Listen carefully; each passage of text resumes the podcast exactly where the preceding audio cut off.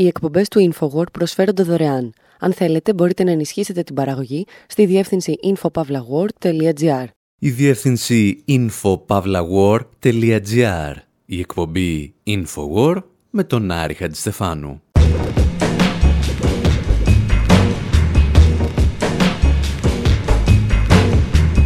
όπου σήμερα σας πηγαίνουμε σε μια έκθεση ζωγραφικής την οποία προφανώς δεν μπορείτε να δείτε από το ραδιόφωνο. Γι' αυτό κρατάμε τις μουσικές που ενέπνευσαν τον καλλιτέχνη και τους μουσικούς που εμπνεύστηκαν από αυτόν. Με αφορμή μια έκθεση για τον Ζαν Μισελ Μπασκιά που οργανώνει η οικογένειά του στο Μανχάταν, αναρωτιόμαστε πώς γίνεται ένα έργο τέχνης που θα μπορούσε να σου στοιχίζει τη ζωή τη δεκαετία του 70, σήμερα να σου στοιχίζει 100 εκατομμύρια δολάρια. Αφήνουμε σε εσάς να αποφασίσετε αν ο Μπασκιά είναι ένας από τους σημαντικότερους καλλιτέχνες των τελευταίων δεκαετιών ή ένα δημιούργημα των εμπόρων τέχνης. Και απλώς σας βεβαιώνουμε ότι βρισκόταν στη σωστή πλευρά της ιστορίας. Και ύστερα αλλάζουμε θέμα. Παίζουμε μπάλα σε μια παραλία της Γάζας, αφήνοντας σε κάτι Ισραηλινά drones να αποφασίσουν ποιος θα κερδίσει και ποιος θα πεθάνει. Με αφορμή η μεγάλη έρευνα που παρουσίασε η ελληνική πρωτοβουλία του BDS για την Ισραηλινή εταιρεία Elbit, θυμόμαστε πώς έφτασε το Ισραήλ να έχει τη σημερινή πολεμική βιομηχανία και τι δουλειά έχει η Ελλάδα να της προσφέρει γη και είδωρ. How about let's getting Charlie Parker to do one of the pop tunes of the day, his version of A Slow Boat to China.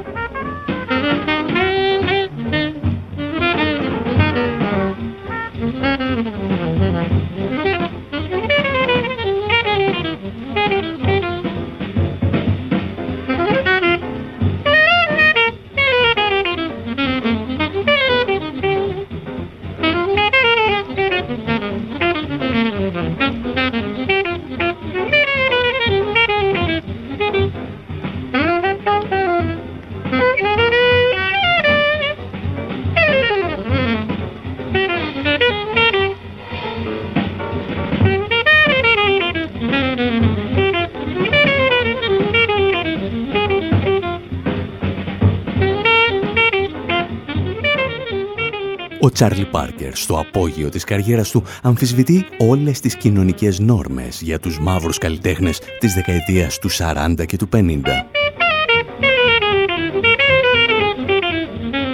Η ιστορία θα τον θυμάται ως έναν από τους πατέρες της bebop jazz.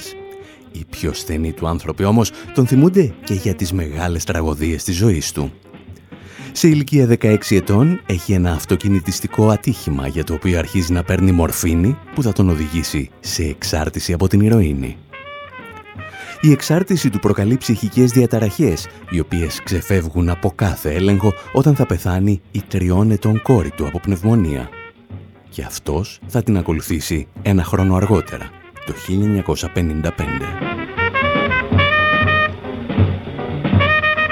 Τρεις δεκαετίες αργότερα, ένας άλλος μαύρος καλλιτέχνης που ξεκινά κάνοντας γκράφιτι στους στίχους του Μπρούκλιν και του Μανχάταν θα αρχίσει να αφιερώνει έργα του στον Τσάρλ Πάρκερ. Λέγεται Ζαν Μισελ Μπασκιά. Ο Μπασκιά είχε και αυτός ένα ατύχημα με αυτοκίνητο σε ηλικία 8 ετών Ακολουθώντας διαφορετική διαδρομή θα εξαρτηθεί και αυτός από την ηρωίνη, ενώ η ψυχική του υγεία καταραίει όταν χάνει δικούς του ανθρώπους, μεταξύ των οποίων και τον Άντι Warhol. Αυτό όμως που τον συνέδεε με την jazz και συγκεκριμένα με τον Τσάρλ Πάρκερ δεν ήταν οι συμπτώσεις της ζωής. Ήταν ο τρόπος με τον οποίο τους αντιμετώπιζε η αφρόκρεμα του καλλιτεχνικού κόσμου της εποχής τους τα εξηγούσε ο Αμερικανός μουσικός Τέρας Μάρτιν. If you know anything about Basquiat, or even if you don't, αν γνωρίζεις κάτι για τον Μπασκιά ή ακόμα και αν δεν γνωρίζεις, ήταν γνωστός για τις αναφορές του σε jazz μουσικούς. Για να καταλάβεις το νόημα πίσω από όλα αυτά, πρέπει να ξέρεις ποιοι ήταν αυτοί οι τζαζιστέ. Σε ένα από τα σημειωματάριά του, ο Μπασκιά τονίζει ότι για να κατανοήσεις τα αλήθεια, το βάθος, την ομορφιά και την ιδιοφυα ενός καλλιτέχνη, πρέπει να έχεις κάποια γνώση του μέσου που χρησιμοποιεί. Έπειτα συνεχίζει απαριθμώντας τους ανθρώπους που άλλαξαν την jazz. Τον Duke Ellington, τον Cab Calloway, τον Ben Webster, τον Louis Armstrong και πάει λέγοντας. Αλλά υπάρχουν δύο τύποι σε αυτή τη λίστα που είναι σαν τους αρχηγούς της Αγέλης, τα είδωλά μου, ο Τσάρλι Πάρκερ και ο Ντίτζι Γκυλέσπι.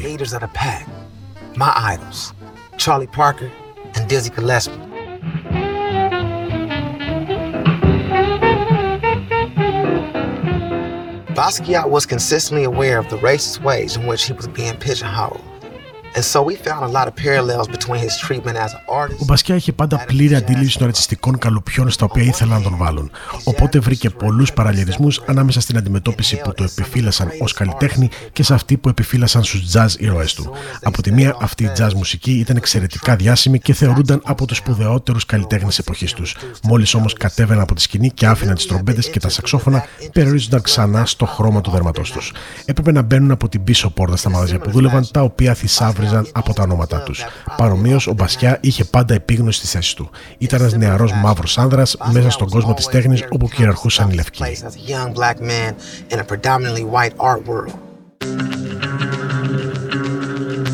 Αυτές τις ημέρες παρουσιάζονται στο Μανχάταν έργα του Μπασκιά σε μια έκθεση που έχει επιμεληθεί η οικογένειά του. Σε μια αίθουσα υπάρχουν τα έργα που αναφέρονται στα jazz συνθάλματά του, όπως τον Τσάρλ Πάρκερ.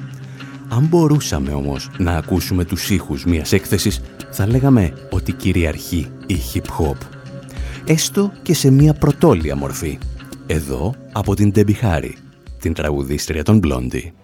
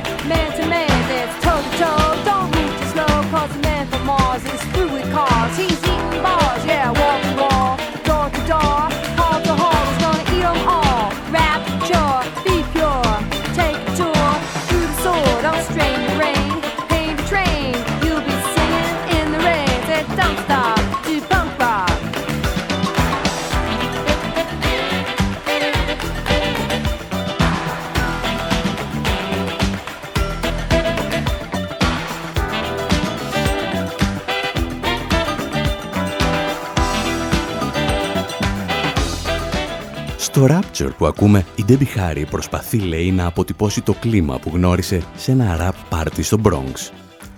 Παράλληλα, βέβαια, προσθέτει στο κομμάτι και μερικά στοιχεία New Wave και Disco.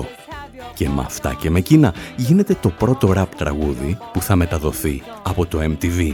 Και στο βίντεο κλιπ εμφανίζεται για μερικά δευτερόλεπτα ο Μπασκιά που υποδίεται τον DJ. Αυτή όμως δεν ήταν η μόνη επαφή της Debbie Harry με τον Μπασκιά, γιατί το 1981 η τραγουδίστρια των Blondie γίνεται ο πρώτος άνθρωπος που θα αγοράσει ένα έργο του για 200 δολάρια.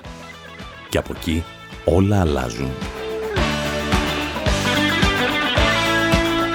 Παρεπιπτόντος, πριν δούμε πώς άλλαξαν όλα, είμαστε στην περίοδο όπου ο Μπασκιά άρχισε να χαρίζει έργα του και σε μια κοπελιά με την οποία νταραβεριζόταν.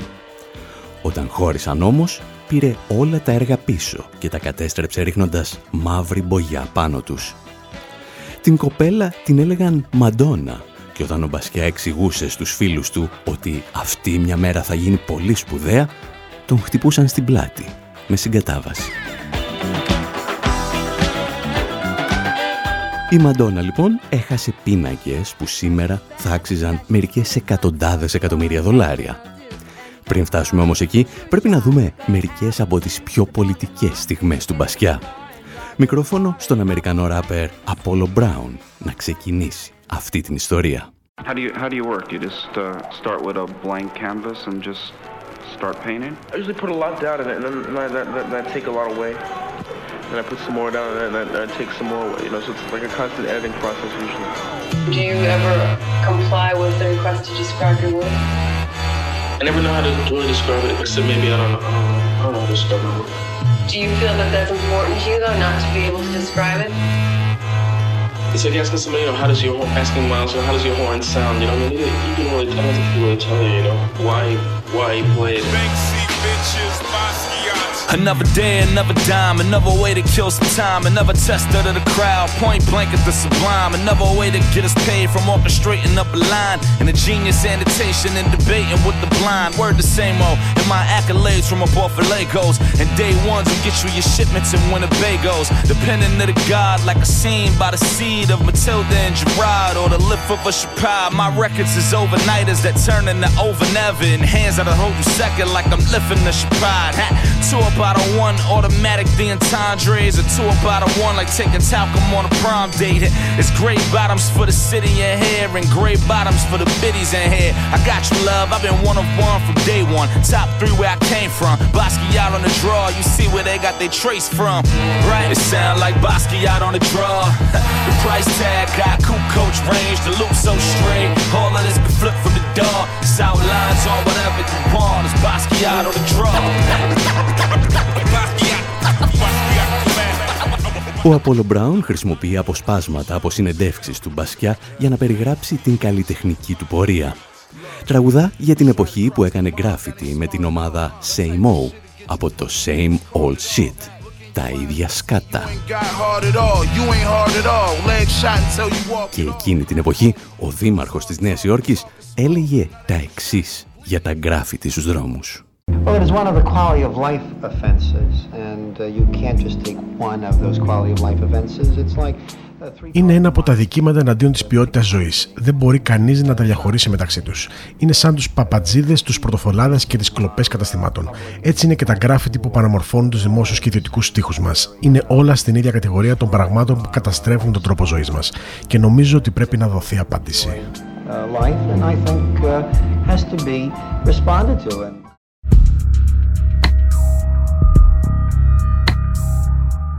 Το πρόβλημα σε αυτές τις περιπτώσεις είναι ότι εάν ο δήμαρχος μιας πόλης σε αντιμετωπίζει σαν εγκληματία και μάλιστα σε τοποθετεί στο επίκεντρο της προσπάθειάς του για την επιβολή του νόμου και της τάξης, μπορείτε να φανταστείτε πώς θα αρχίσει να σε αντιμετωπίζει η αστυνομία.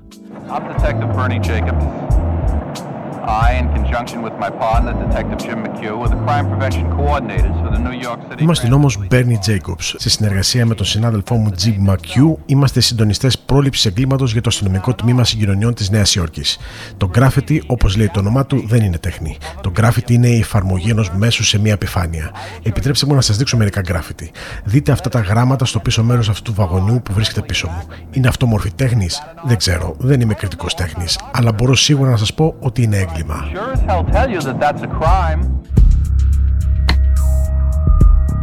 Οι αστυνομικοί του τμήματος συγκοινωνιών της Νέας Υόρκης μπορεί να μην γνώριζαν από τέχνη, όπως λένε, αλλά γνώριζαν από καλές δολοφονίες.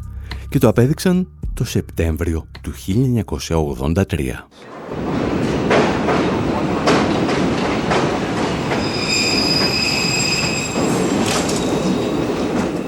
On September 15th, 25-year-old Michael Stewart was arrested for scrawling on the wall of a subway station at 3 in the morning. Τα δελτία ειδήσεων της εποχής εξηγούν ότι το τμήμα συγκοινωνιών της Νέας Υόρκης συνέλαβε τον νεαρό Μάικλ Στιούαρτ ενώ σχεδίαζε ένα γκράφιτι στο μετρό της Νέας Υόρκης στις 3 τα ξημερώματα. Μισή ώρα αργότερα νοσηλευόταν σε κομματώδη κατάσταση στο πλησιέστερο νοσοκομείο. Δεν συνήλθε ποτέ και πέθανε ύστερα από 13 ημέρες. Το πόρισμα του ιατροδικαστή, καρδιακή προσβολή. Ο θάνατος του Μάικλ Στιουαρτ θα συγκλονίσει τον Μπασκιά, ο οποίος θα του αφιερώσει ένα από τα γνωστότερα έργα του, το Defacement. Δύο αστυνομικοί με μπλε στολή και ροζ πρόσωπα χτυπούν μια φιγούρα που θα μπορούσε να είναι οποιοδήποτε μαύρος πολίτης των Ηνωμένων Πολιτειών. Ή, όπως έλεγε ο Μπασκιά, θα μπορούσα να είμαι εγώ.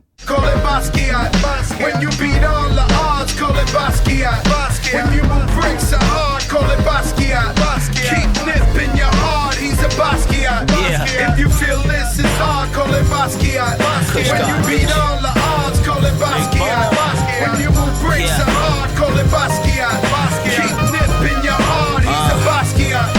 My mind scribbling thoughts is invisible art. Fuck the political talk. I've been sipping on bark. Bless the room way before my stone stoner spiritual starts. As I kick it with y'all, my phone ringing, got a lick from my dog. These niggas capping, that's a different facade. Shit, my living is odd. The sour diesel is my business card. Hit the mountains, took a hundred to chill. You can't trick us neither, we know all the numbers for real. Indie nigga like fuck a deal. I pay mines and my mother bills. That privilege alone is worth a hundred mil. Street nigga getting a little money still. Ο Μπαν και ο Static Selecta αφιερώνουν το κομμάτι τους στον Ζαν Μισελ Μπασκιά. Όταν όλες οι πιθανότητες λέει είναι εναντίον σου και εσύ τα καταφέρνεις, είσαι ο Μπασκιά. Και αν νομίζεις ότι αυτό είναι τέχνη, είσαι ο Μπασκιά. Και ο Μπασκιά τα κατάφερε, εξηγώντας το κατεστημένο του αμερικανικού πολιτισμού ότι αυτό που κάνει είναι τέχνη. Όταν παρουσίασε το έργο του Defacement για τις δολοφονίες και τους ξυλοδαρμούς μαύρων από την αστυνομία, ήταν ήδη ο πρώτος καταξιωμένος μαύρος καλλιτέχνης στον κόσμο των οικαστικών. Η πορεία του απογειώνεται, ειδικά μετά τη γνωριμία του με τον Άντι Warhol, και οι μεγαλύτερες εκθέσεις σύγχρονης τέχνης στον πλανήτη εκλυπαρούν για να φιλοξενήσουν τα έργα του. Για τα δεδομένα της εποχής, τα χρήματα που βγάζει είναι αστρονομικά. Το πραγματικό παιχνίδι όμως θα ξεκινήσει μετά το θάνατό του, όταν στείνεται ένας χορός δισεκατομμυρίων πάνω από το πτώμα του. Εδώ θα χρειαστούμε μια μικρή βοήθεια από τον πλουσιότερο ράπερ των Ηνωμένων Πολιτειών, τον Jay-Z.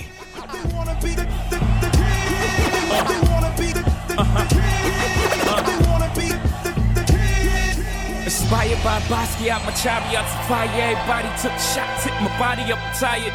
Build me up, break me down, build me up again. They like, oh, we need you back so we can kill your ass again. Ho got flow, though he's no big and pop, but he's close. Time posting when they got me fighting ghosts. Most kings get their heads cut. With the same sword they night you, they gon' good night you. Wait, shit, that's only half if they like you. They ain't even half what they might do. Don't believe me, ask Michael. See Martin, see Malcolm, see Biggie, see Pop, see success in its outcome. See Jesus, see Judas, see Caesar, see Brutus, see success is like suicide. Ο Jay-Z μας θυμίζει ότι στους περισσότερους βασιλιάδες τους κόβουν το κεφάλι. Και πριν προλάβετε να εκφράσετε τα αντιμοναρχικά συναισθήματά σας, να σας προειδοποιήσουμε ότι κατ' εξαίρεση σήμερα είμαστε με τους βασιλιάδες. Ο Μπασκιά γράφει τη συγκεκριμένη φράση σε έναν πίνακά του θεωρώντας ότι βασιλιάς είναι ο Τσάρλι Πάρκερ. Και το κομμένο κεφάλι του βασιλιά αναφέρεται στην ικανότητα του συστήματος να εξοντώνει όποιον τολμήσει να του αντισταθεί. Προσέξτε τώρα το Inception που ξετυλίγεται μπροστά μας. Ο Jay-Z, ο πλουσιότερος ράπερ στον κόσμο, εμπνέεται από ένα έργο του Μπασκιά, ο οποίος το εμπνεύστηκε από τον Τσάρλι Πάρκερ, ο οποίος πέθανε στην ψάθα. Και όπως μας θύμιζε κάποτε το αμερικανικό δίκτυο MSNBC, ο μόνος που δεν έχει χάσει τίποτα μέχρι στιγμής από αυτή την ιστορία είναι ο Jay-Z.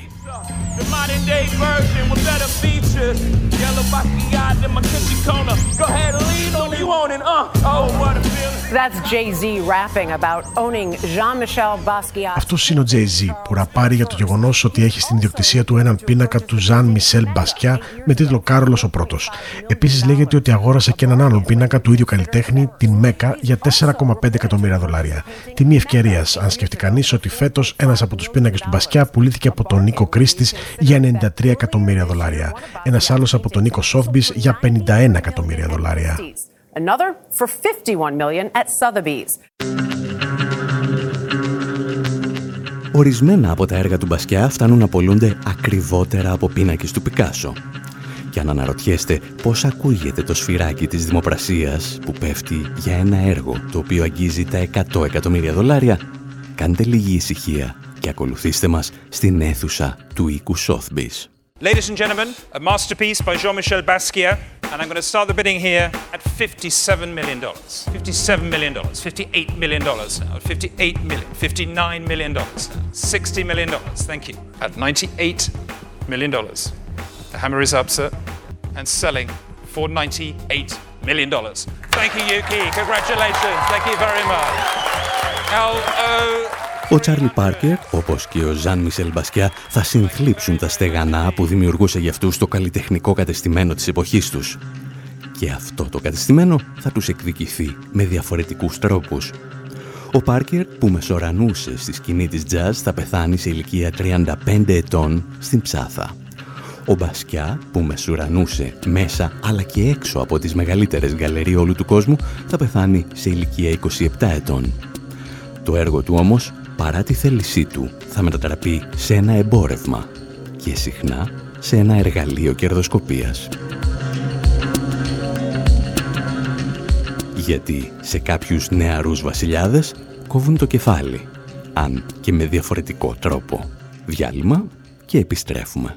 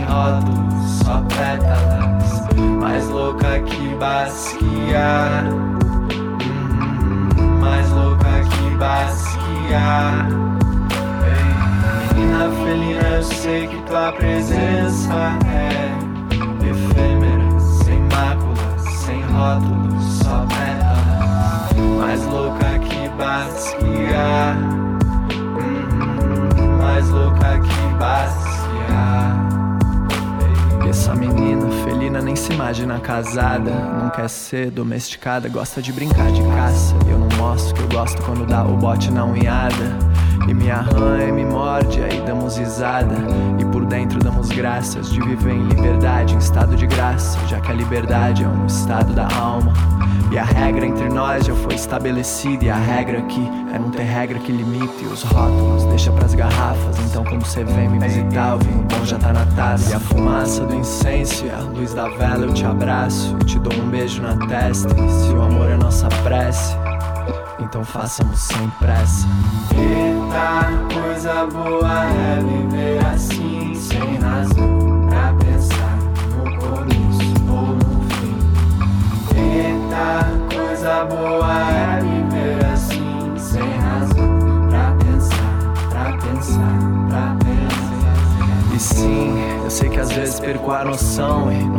se é minha posse ou não, mas eu seguro a minha brisa, é que o meu machismo tá em desconstrução.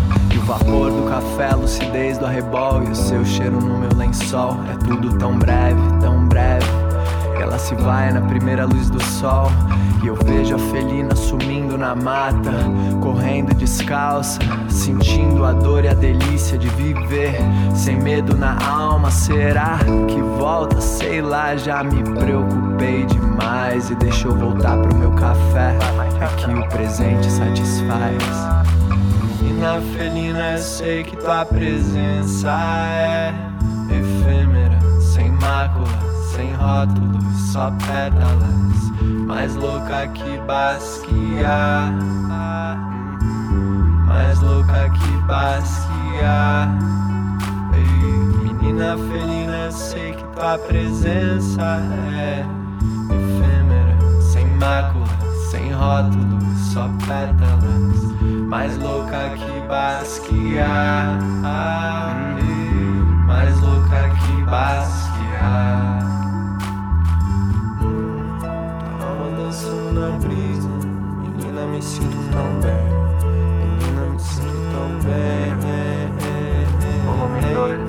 Tua alma dançando na brisa, menina me sinto tão bem, tão bem, tão bem, tão bem, tão bem. Οι εκπομπές του InfoWord προσφέρονται δωρεάν. Αν θέλετε, μπορείτε να ενισχύσετε την παραγωγή στη διεύθυνση infopavlagor.gr.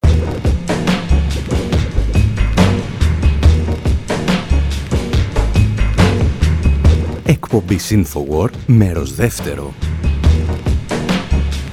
Όπου αφήνουμε τα παιδιά που σκότωνε η Αμερικανική αστυνομία στη Νέα Υόρκη και βγαίνουμε να ξεσκάσουμε, παίζοντας λίγο μπάλα σε μια παραλία της Γάζας.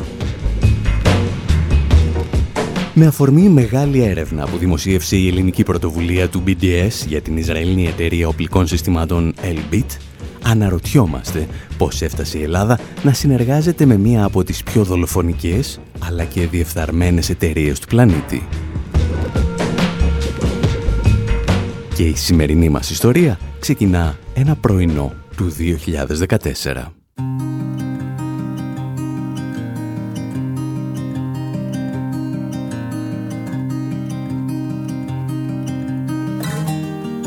Un vieux ballon sur une jeune poitrine, amorti du plastron dans le camp des apatrides. Quatre défenseurs sans entraîneur, qui ne savent plus s'ils jouent à domicile ou à l'extérieur. En fin de match, aucun maillot ne s'échange, pour les mêmes raisons que Cristiano la légende.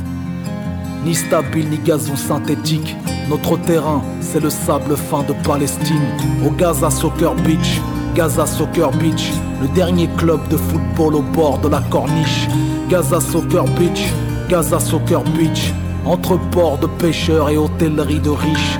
Gaza Soccer Beach, Gaza Soccer Beach, où les tirs se poursuivent même quand l'arbitre siffle. Gaza Soccer Beach, Gaza Soccer Beach, on joue la Coupe du Monde sous l'œil des journalistes. Chacun son camp et la balle au centre. Leur tenue bleue et blanche porte l'étoile à six branches. Dernier vainqueur de la Coupe du Monde, on leur tient tête avec nos joueurs de troisième division Mes frères et moi, et mon cousin aussi, ce qu'on veut c'est ressembler à Messi ou Mesut Ozil. On rêve de recrutement de mercato, de revenir au bercail en héros pour jouer au Gaza Soccer Beach. Gaza Soccer Beach, le dernier club de football au bord de la corniche. Gaza Soccer Beach, Gaza Soccer Beach. Ο Γάλλος ράπερ Μεντίν τραγουδά για έναν αγώνα ποδοσφαίρου και μας παρουσιάζει όλα τα στοιχεία του ρεπορτάζ που χρειαζόμαστε. Το γήπεδο είναι λέει μια αλάνα στην παραλία της Γάζας. Οι παίκτες είναι τέσσερα παιδιά και θεατές είναι ξένοι δημοσιογράφοι που διαμένουν σε ένα ξενοδοχείο το οποίο έχει οπτική επαφή με το γήπεδο. Το ημερολόγιο γράφει 16 Ιουλίου του 2014 και ύστερα ήρθε η κόλαση. Okay,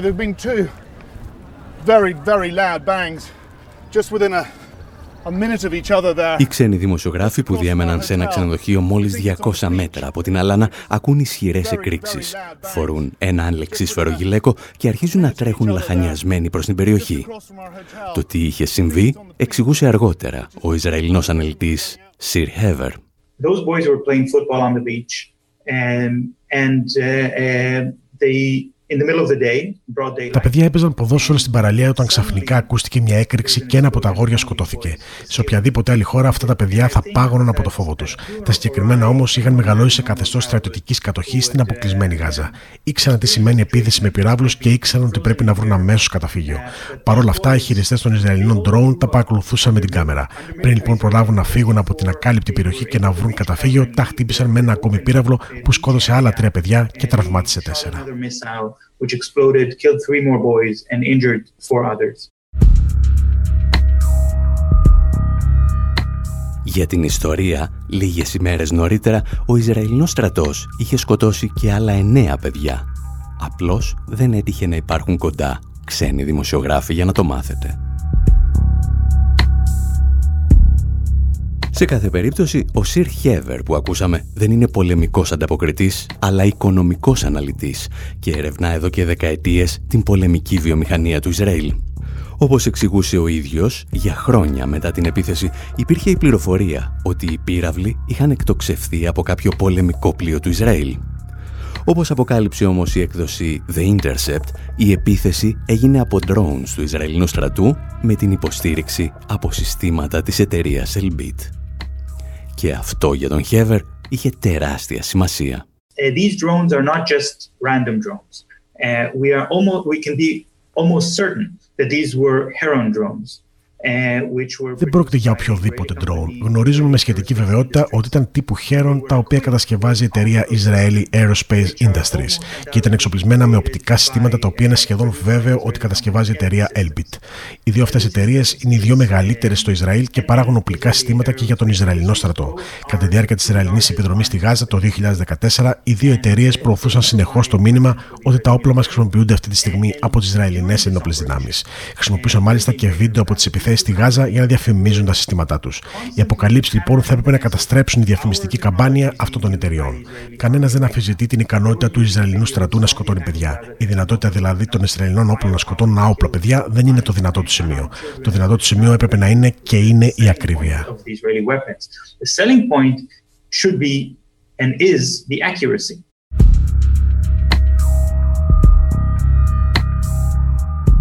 Ο Χέβερ λέει κάτι πολύ απλό άοπλα παιδιά μπορεί να σκοτώσει ο καθένας και ειδικά το Ισραήλ το έχει αποδείξει εδώ και δεκαετίες.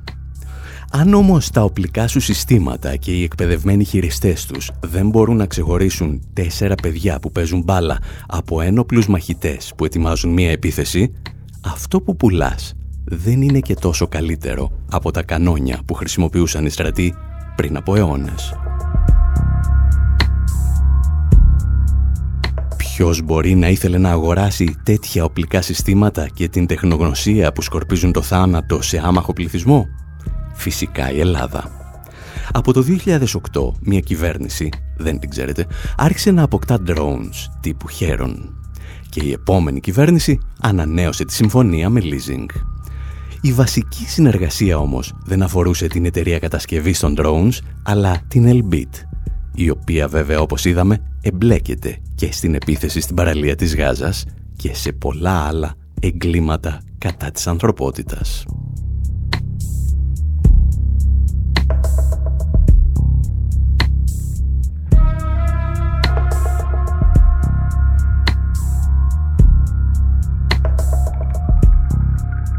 Πριν από μερικές ημέρες, η ελληνική πρωτοβουλία του BDS, της οργάνωσης για τον μποϊκοτάζ, την απόσυρση επενδύσεων και τις κυρώσεις εναντίον του κράτους του Ισραήλ, παρουσίασε το πρώτο μέρος μιας μεγάλης έρευνας για τη δράση της Ελμπίτ σε όλο τον κόσμο, αλλά και στην Ελλάδα.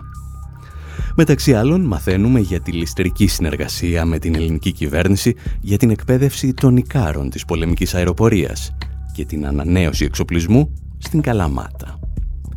Μαθαίνουμε επίσης για το σκάνδαλο κατασκοπίας της Ελμπίτ στην Αυστραλία, την Κύπρο, τις Ηνωμένες Πολιτείες, την Αιθιοπία, την Ιγυρία, την Ινδία, τη Βουλγαρία, αλλά και στο Ισραήλ. Γιατί ως γνωστόν, σύνορα η απάτη δεν γνωρίζει. Την εξαιρετική έρευνα του BDS Greece θα βρείτε στη σελίδα bdsgreece.net αλλά την αναδημοσιεύουμε και εμείς στο infopavlawar.gr Εμείς πάλι σήμερα σκεφτήκαμε απλώς να υποστηρίξουμε αυτό το κείμενο δίνοντας μερικές πληροφορίες στην περιφέρεια του θέματος. Να δούμε την ιστορία της πολεμικής βιομηχανίας του Ισραήλ και πώς έφτασε σε ένα τερατούργημα όπως η Ελμπίτ.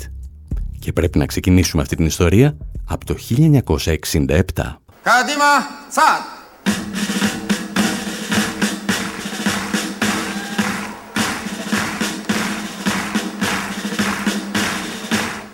10 Μαΐου του 67. Το Ισραήλ γιορτάζει την επέτειο της ανεξαρτησίας του με την καθιερωμένη στρατιωτική παρέλαση. και δεν χρειαζόταν να είναι κανείς αναλυτής αμυντικών θεμάτων για να καταλάβει ότι αυτή η παρέλαση είχε κάτι περίεργο. Δεν υπήρχαν άρματα μάχης. Ένας από τους πρώτους ανθρώπους που θα το συνειδητοποιήσουν είναι και ο ηγέτης της Αιγύπτου και αμέσως σημαίνει συναγερμό. Το Ισραήλ, λέει, προετοιμάζει κάποια στρατιωτική επιχείρηση. Ο Νάσερ είχε απόλυτο δίκιο. Σχεδόν ένα μήνα αργότερα, στις 7 Μαΐου, ο Ισραηλινός στρατός ξεκινά τον λεγόμενο πόλεμο των έξι ημερών. War in the Middle East. Israeli forces drive spearheads across the Sinai Peninsula, west to the Suez Canal, south to the entrance of the Gulf of Aqaba, breaking the blockade, capturing the west bank of the Jordan River, and occupying the old city of Jerusalem. Τα αμερικανικά επίκαιρα της εποχής περιγράφουν μια θεαματική όσο και δραματική επιχείρηση που ευνηδιάζει τους γείτονες του Ισραήλ. Υπό τις εντολές του μονόφθαλμου στρατηγού Μωσέντα Γιάν, η Ισραηλινή αεροπορία εξαπολύει γενικευμένες επιδρομές στην Αίγυπτο, την Ιορδανία, τη Συρία, αλλά ακόμη και σε περιοχές του Ιράκ. The sudden swiftness of the Israeli army μέσα σε λίγες ώρες το Ισραήλ έχει καταστρέψει 25 αεροπορικές βάσεις των αντιπάλων του και έχει διαλύσει ολοκληρωτικά τουλάχιστον 400 αεροσκάφη τους. Η ολοκληρωτική νίκη θα έρθει σε 6 μόλις ημέρες. Πρόκειται για μία από τις πλέον σύντομες και σαρωτικές νίκες στην παγκόσμια ιστορία του πολέμου. Μαζί όμως με τη σαρωτική νίκη του Ισραήλ προκύπτει και ένα μικρό προβληματάκι. Τα εξηγούσε και πάλι ο Ισραηλινός οικονομικός αναλυτής Σιρ Χέβερ. Uh, there was a worry in Israel after uh, the occupation of 1967 because France, which was the biggest supplier of arms to Israel at the time, said they're going to embargo weapons sales to Israel. Το Ισραήλ ανησύγησε μετά την κατοχή του 1967, καθώς η Γαλλία, που αποτελούσε το βασικό του προμηθευτή σε όπλα, απειλούσε ότι θα προχωρήσει σε εμπάργκο εάν το Ισραήλ δεν αποχωρούσε από τα εδάφη που είχε καταλάβει. Από εκείνη τη στιγμή είπαν ότι θα πρέπει να έχουν αυτονομία στην παραγωγή όπλων και να κατασκευάζουν τα δικά τους αρματαμάχε, τα δικά τους πυροβόλα όπλα και ούτω καθεξής. Αυτό που δεν γνώριζαν είναι ότι τελικά θα έβγαιναν κερδισμένοι από την κατοχή. Έξι χρόνια μετά την κατοχή, οι Ηνωμένε Πολιτείες αντικατέστησαν τη Γαλλία ως ο βασικότερος προμηθευτής οπλικών συστημάτων.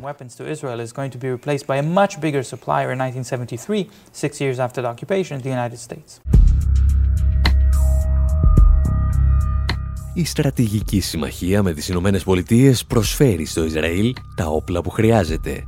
Και αυτό μετατρέπεται σε χωροφύλακα της Ουάσιγκτον για ολόκληρη τη Μέση Ανατολή. Για την Ισραηλινή πολεμική βιομηχανία όμως αυτή η σχέση παρουσιάζει και μερικά προβλήματα. Γιατί η Ουάσιγκτον μπορεί να μην είχε κανένα πρόβλημα να προσφέρει τα όπλα της στο Ισραήλ, είχε όμως πολλά προβλήματα όταν το Ισραήλ άρχισε να κατασκευάζει οπλικά συστήματα που ανταγωνίζονταν τα αμερικανικά. There were some attempts by the Israeli military companies to compete with the US military companies, which were crushed in the bud very quickly, and that shows exactly the... Υπήρξαν ορισμένες προσπάθειες από Ισραηλινές εταιρείες να ανταγωνιστούν την Αμερικανική πολεμική βιομηχανία, αλλά αυτές ακυρώθηκαν από την πρώτη στιγμή. Αυτές είναι και περιπτώσεις όπου διακόπτεται η Αμερικανική στήριξη προς το Ισραήλ. Όταν λόγω χάρη το Ισραήλ προσπαθούσε να πουλήσει στην Κίνα εξοπλισμό που περιέχει και Αμερικανική τεχνολογία, ή όταν προσπαθούσε να ανταγωνιστεί κάποια Αμερικανική εταιρεία στην κατασκευή μαχητικών αεροσκαφών, η συμμαχία ΙΠΑ-Ισραήλ τερματιζόταν αυτόματα. That's the end of US-Israeli alliance, that right there. Η αστική τάξη του Ισραήλ και οι βιομηχανοί όπλων στο Τελαβίβ θα αναγκαστούν να αποδεχθούν αυτή την πραγματικότητα. Στο εξής, τα οπλικά συστήματα που κατασκευάζουν είναι όπως λέμε συμπληρωματικά των Αμερικανικών. Οι Ηνωμένες Πολιτείες, λόγω χάρη, φτιάχνουν τα άρματα μάχης και τα F-16 και το Ισραήλ έρχεται να προσθέσει συστήματα πλοήγησης, νέους πυράβλους, καθρέφτες για την όπισθεν και ό,τι μπορεί να χρειάζεται ένα στρατός για να σπείρει το θάνατο. Η Ισραηλινή επιχειρηματικότητα όμως δεν κάμπτεται από τέτοια προβλήματα. Αν δεν μπορούμε να κατασκευάσουμε όπλα που χτυπάνε την Αμερικανική αγορά, σκέφτηκαν, θα πουλάμε σε καθεστώτα που κανένας άλλος δεν θέλει ή δεν μπορεί να πουλήσει. Αυτά όμως θα τα πούμε σε λιγάκι.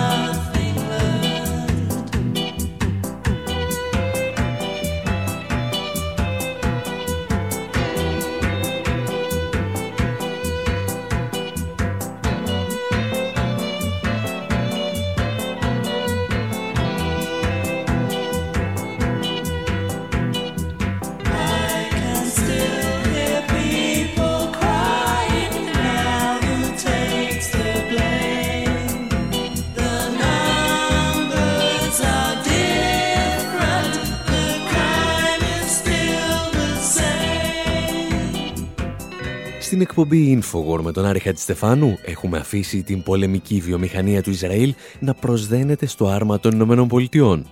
Και η μόνη εναλλακτική πραγματικής κερδοφορίας είναι πλέον να πουλάει όπλα στα πιο αυταρχικά καθεστώτα του πλανήτη. Εκεί που κανένας άλλος δεν θέλει να λασπώσει το όνομά του. Όπου υπήρχε δικτατορικό καθεστώς που σφαγίαζε τους πολίτες του ή πραγματοποιούσε επιθετικούς πολέμους στους γείτονές του, μπορούσε να ελπίζει στη στήριξη του Ισραήλ. Όπου υπήρχε διεθνές εμπάργκο για εγκλήματα κατά της ανθρωπότητας, το Ισραήλ ήταν εκεί για να τα σπάσει. Περίπου δηλαδή όπως έκαναν την ίδια περίοδο και ορισμένοι από τους μεγαλύτερους Έλληνες εφοπλιστές. Τα λέει όμως καλύτερα και από μας ο Ισραηλινός αναλυτής Σιρ Χέβερ, μιλώντας στο The Real News Network. We're talking about the 60s, 70s, 80s, Israel sold weapons to Rhodesia, which αν γυρίσουμε πίσω στις δεκαετίες του 60, του 70 και του 80, θα δούμε ότι το Ισραήλ πουλούσε όπλα στη Ροδεσία, η οποία είχε ένα καθεστώς όμοιο με αυτό του Απαρχάιτ. Στη Νότια Αφρική επίσης έσπαγε το εμπάρκο απροκάλυπτα. Πουλούσε επίση όπλα στη Γουατεμάλα κατά τη διάρκεια του εμφυλίου πολέμου και στη Χιλή επί δικτατορίας Πινοσέτ. Όλες οι χώρες που είχαν προβλήματα να αγοράσουν όπλα από τις μεγάλες εταιρείες μπορούσαν πάντα να στραφούν στο Ισραήλ.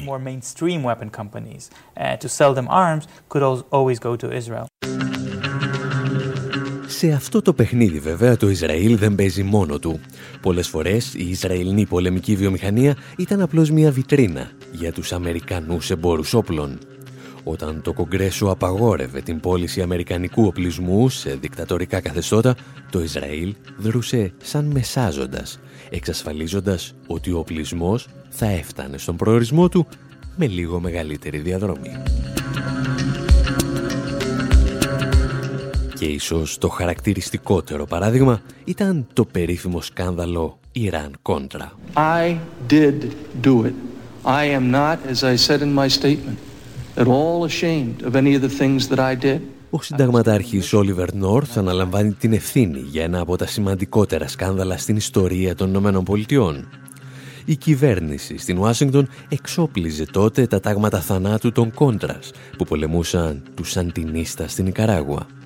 Πού έβρισκαν τα χρήματα; Τα έπαιρναν από το Ιράν, στο οποίο πουλούσαν όπλα. Και επειδή δεν μπορούσαν να το κάνουν απευθείας, έφαζαν το Ισραήλ να πουλά το δικό του οπλισμό, τον οποίο στη συνέχεια η Αμερικανική πολεμική βιομηχανία αναλάμβανε να αντικαταστήσει. Μόνο που αυτά συνέβαιναν τότε και εμείς θέλουμε να μάθουμε τι συμβαίνει τώρα. What we see in the last uh, decade or so, especially after September 11, is that Israel has kind of shifted την τελευταία δεκαετία και κυρίως μετά την 11η Σεπτεμβρίου, διαπιστώνουμε ότι το Ισραήλ άλλαξε επιλογές. Δεν αναζητούν πλέον χώρες που αντιμετωπίζουν εμπάργο για να τους πουλήσουν όπλα, όπως το περίφημο υποπολιβόλο Ούζι, το οποίο παρεμπιπτόντως δεν κατασκευάζεται πλέον στο Ισραήλ αλλά στην Κίνα. Το Ισραήλ ενδιαφέρεται να πουλά όπλα σε περιοχές του πλανήτη με τρομακτική οικονομική ανισότητα και ιδιαίτερη εχθρότητα του πληθυσμού προς το καθεστώς. Πουλάει δηλαδή όπλα στις κυβερνήσεις που θέλουν να καταστήλουν τις εναντίον τους εξεγέρσεις. Το Ισραήλ είναι πλέον η παγκόσμια πρωτεύουσα της εσωτερικής ασφάλειας. Πουλάνε κάμερες παρακολούθησης, μη επανδρομένα αεροσκάφη και εξοπλισμό για τις ειδικές δυνάμεις της αστυνομίας. Πρόκειται για την τεχνολογία που χρειάζονται οι κυβερνήσεις για να ελέγχουν τους πολίτες τους.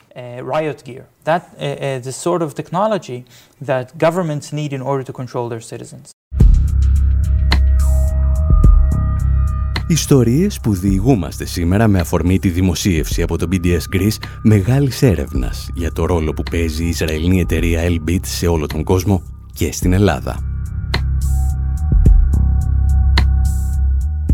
Μια εταιρεία που όπως θα δούμε σε επόμενη εκπομπή βρίσκεται στο στόχαστρο ακτιβιστών σε όλη την Ευρώπη αλλά στην Ελλάδα σιγοσφυρίζουμε αδιάφορα. Την έρευνα του BDS Greece θα βρείτε στη σελίδα bdsgreece.net αλλά και στο info.pavlawar.gr Μέχρι την επόμενη εβδομάδα πάντως, από τον Άρη Χατζηστεφάνου στο μικρόφωνο, τον Ανδρέα Κοσιάρη στις μεταφράσεις και τον Δημήτρη Σταθόπουλο στην τεχνική επιμέλεια, γεια σας και χαρά σας.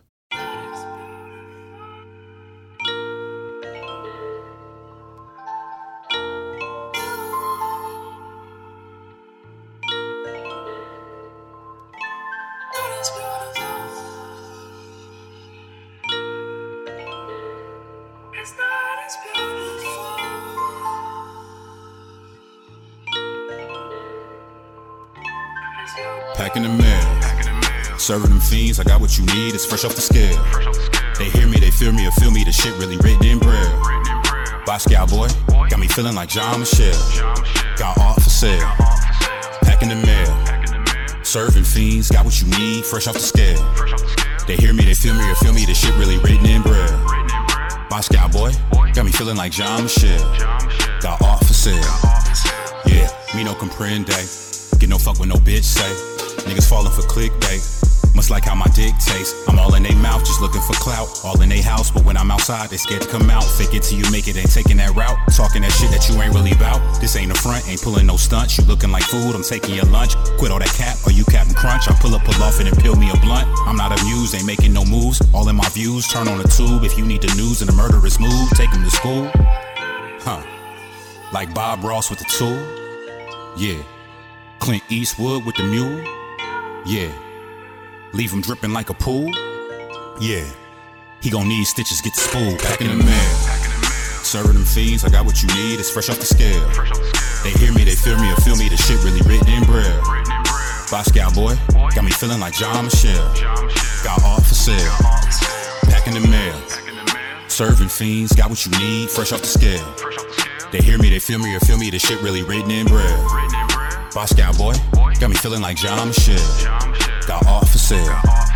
Yeah, Peace Church and Tabernacle. Had to hit him with the razzle dazzle. Heard the snakes rattle like they want a battle. Trying to fake the funk cause they feelings fragile. Had to step back like a hardened traveler. Hit a hater talk. Shit left me baffled. Let him burn like Babel hanging from a scaffold. My God is my judge. No gown, no gavel. You owe me, then I'm about to cash in. Got a Westside connection like Mac 10. My hitters can't wait till you lack in. You get packed out, shit get packed in. Almost happening. You a has been. Correction. You a never been. Flying white dog. Story never ends. Niggas sell they soul to stay relevant. Hold up. Uh, who the fuck gave these niggas room to speak? Gon' end up six feet, fulfilling himself like Tweet. Thinking it's sweet, but niggas ain't safe in these streets. Don't trust them, we and all of my niggas prepare for the sweep. Serving them fiends, I got what you need, it's fresh off the scale. They hear me, they feel me, or feel me, the shit really written in braille. Basquiat boy, got me feeling like John Michelle. John Got art for sale, packing the mail. Serving fiends, got what you need, fresh off the scale. They hear me, they feel me, and feel me. The shit really written in braille. Moscow boy, got me feeling like John Michelle. Got art for sale. Yeah.